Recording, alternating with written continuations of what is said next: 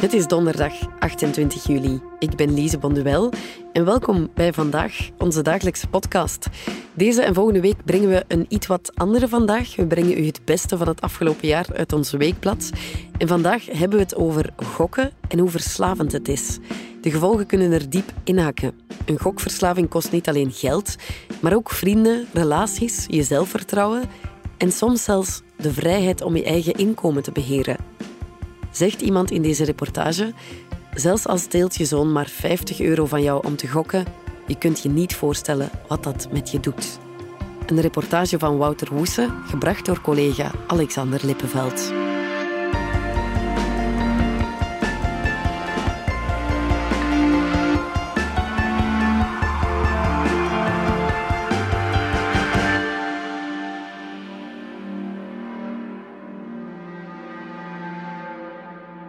Gegokt en alles verloren. Een gokverslaving kost niet alleen geld, maar ook vrienden, relaties, je zelfvertrouwen. En soms zelfs de vrijheid om je eigen inkomen te beheren. Zelfs al steelt je zoon maar 50 euro van jou om te gokken, je kunt je niet voorstellen wat dat met je doet. Alex, dat is een schuilnaam, is een man van vooraan in de 40, met een vrouw, een kind en een goed betaalde leidinggevende functie. Hij heeft geen bankkaart en heeft nooit geld op zak. Hij wil dat zelf zo.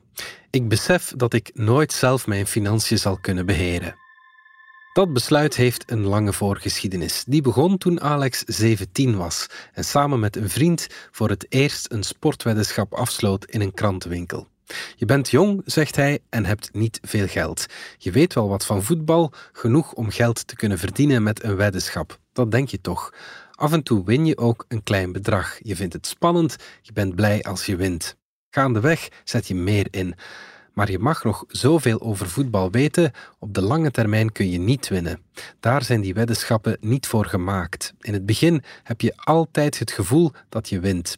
Zodra je met grotere bedragen begint, verlies je alleen maar.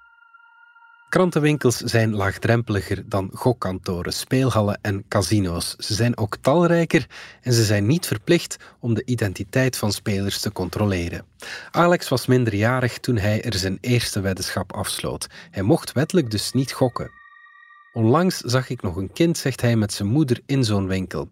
Hij aan de gokkast, aan het wedden op voetbal. Zij wachtend op een stoel.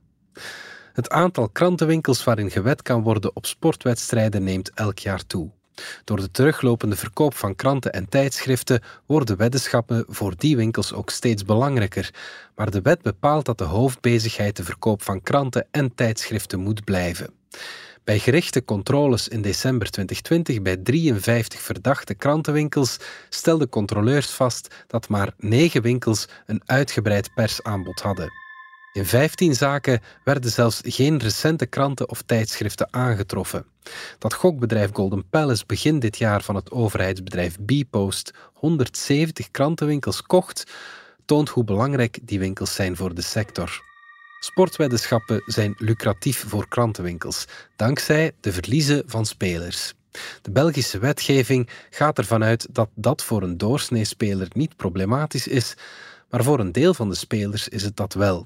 Om de omvang van die groep in te schatten, wordt in de nationale gezondheidsenquête van Cienzano ook naar gokgedrag gepeild. De laatste werd uitgevoerd in 2018. Daaruit bleek dat bijna een derde van de Belgische bevolking in het jaar voor de bevraging minstens één keer had gegokt. Een tiende van de bevolking speelt één keer per week. Mannen gokken iets vaker dan vrouwen. Cianzano leidt uit de ingezamelde antwoorden af dat bijna 1% van de Belgen het risico loopt een gokverslaving te ontwikkelen. Bij een vijfde van die groep gaat het om een hoog risico. Het risico is ook hoger bij mannen dan bij vrouwen. Jongeren zijn extra kwetsbaar, online weddenschappen extra gevaarlijk. Onderzoek in het buitenland en ouder onderzoek in België doet vermoeden dat de cijfers een onderschatting zijn, wat Cienzano erkent. Alex erkent dat hij een gokverslaving heeft. Hoeveel geld hij met gokken verloren heeft, wil hij niet berekenen. Maar het is zeker de prijs van een huis. De eerste keer dat hij moest toegeven dat hij een probleem heeft, was toen hij als twintiger met zijn vriendin een huis wilde bouwen.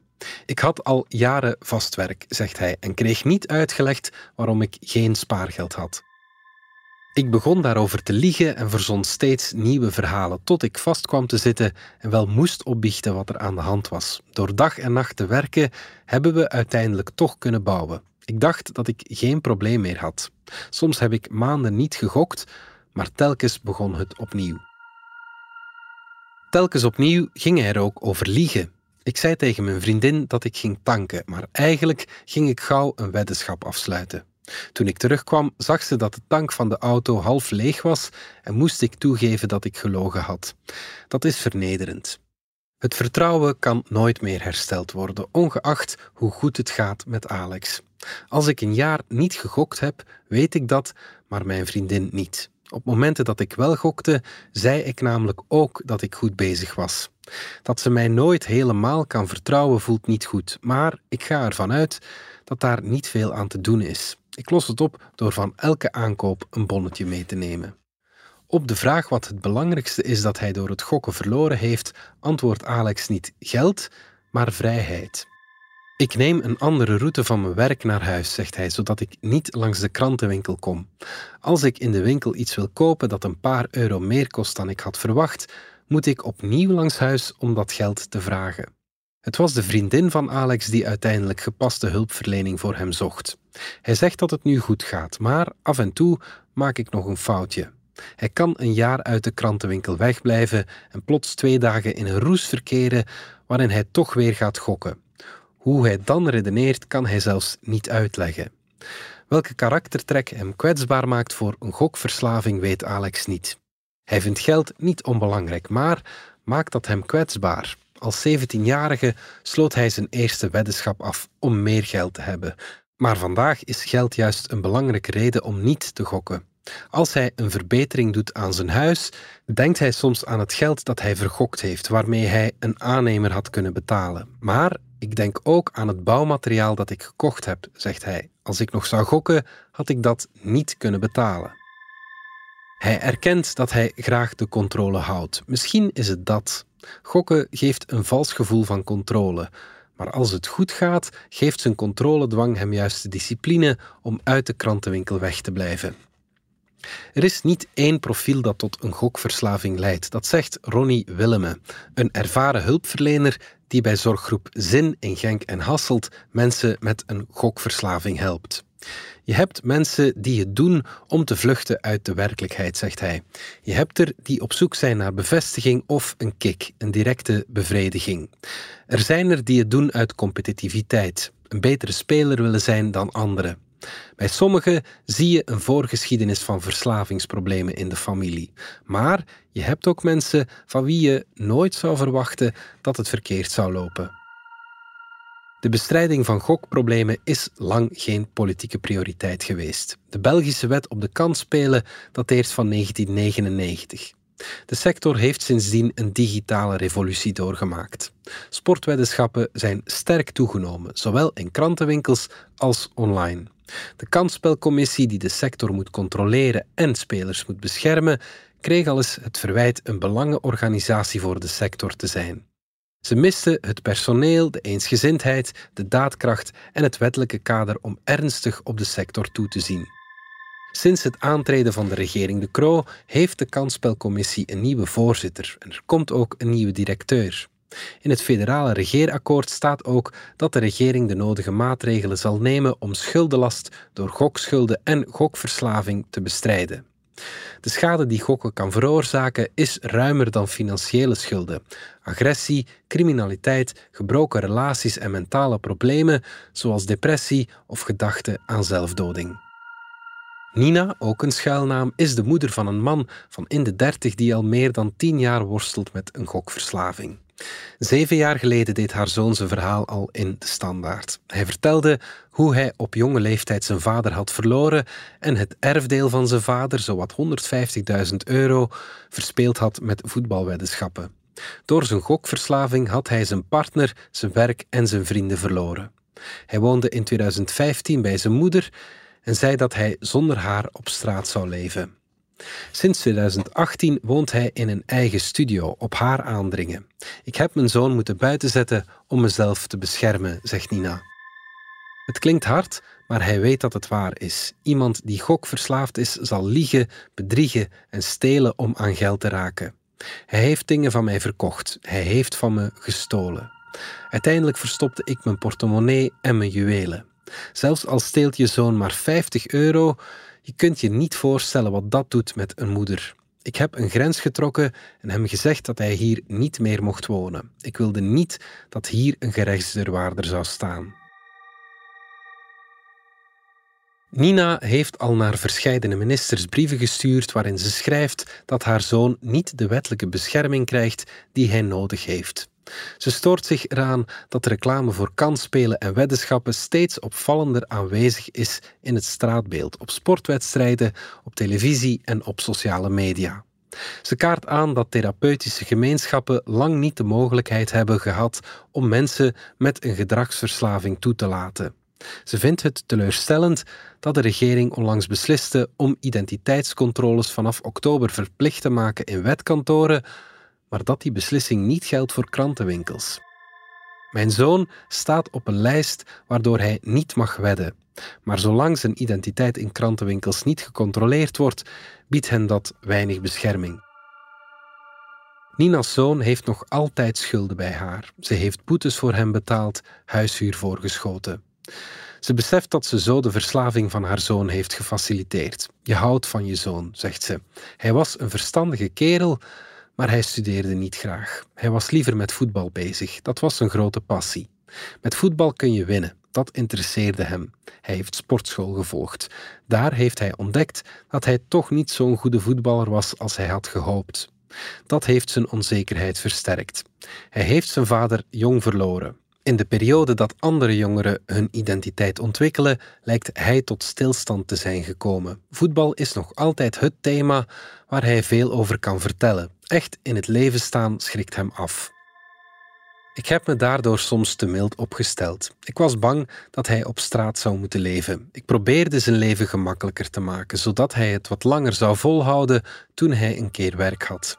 Je wil hem helpen, maar eigenlijk help je hem beter als je hem zelf de gevolgen laat dragen van wat hij doet.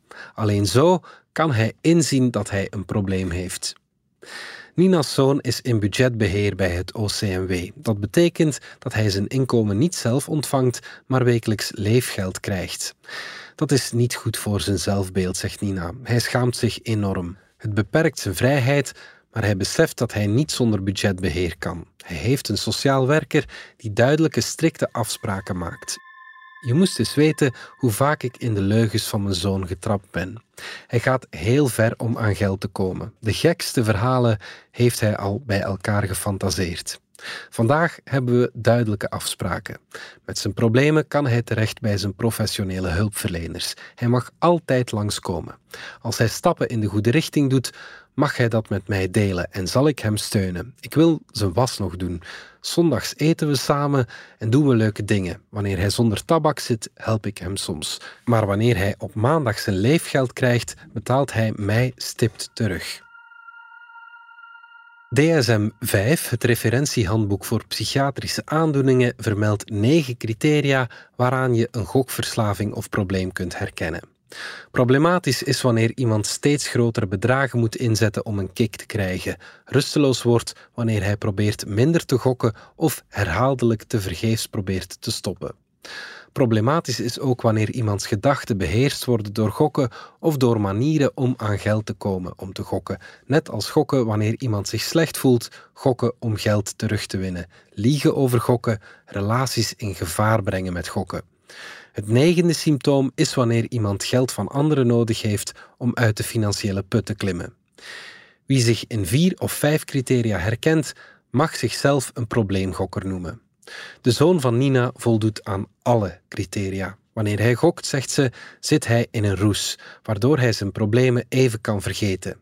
Zodra hij verloren heeft en je verliest altijd, heeft hij nog altijd die problemen en het probleem dat hij zijn geld alweer kwijt is. Hij weet dat en toch kan hij het niet laten. Ze toont een foto van haar zoon, een onopvallende, verzorgde jonge man. Als je hem op straat zou tegenkomen, zou je niets aan hem zien, zegt Nina.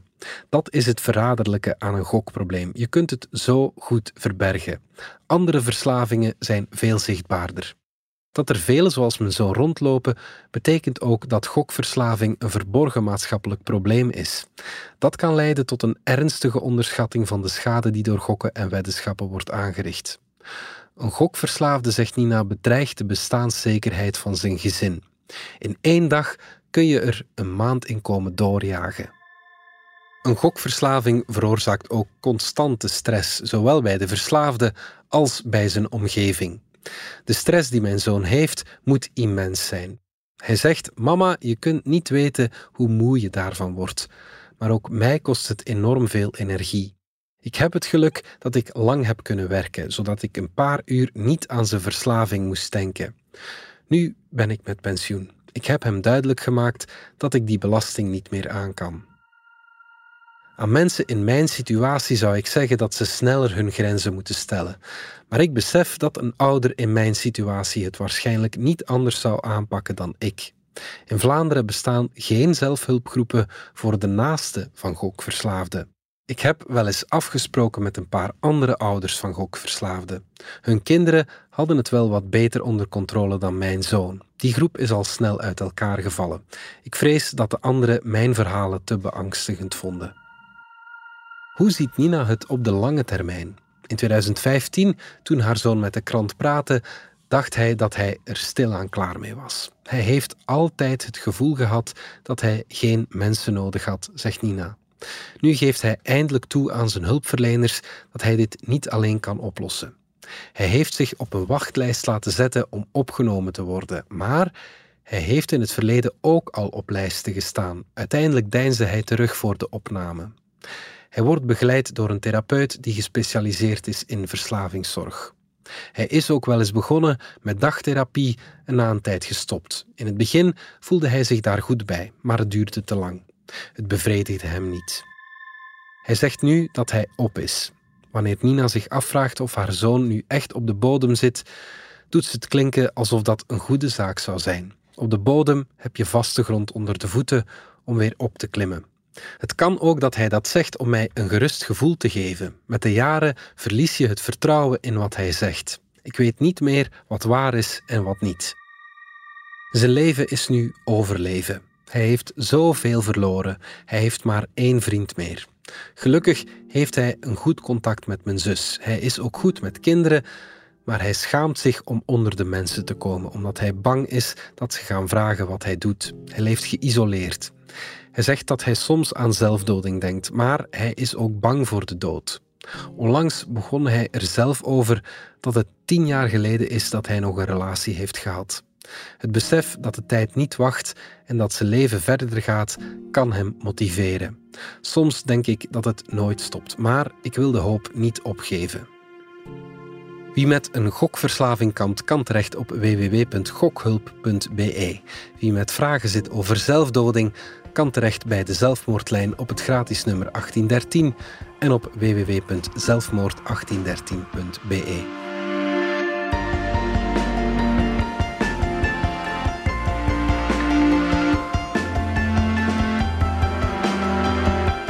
Dit was vandaag de dagelijkse podcast van de Standaard. Bedankt voor het luisteren. Alle credits van de podcast die je net hoorde vind je op standaard.be-podcast. Reageren kan via podcast.standaard.be. Morgen zijn we opnieuw.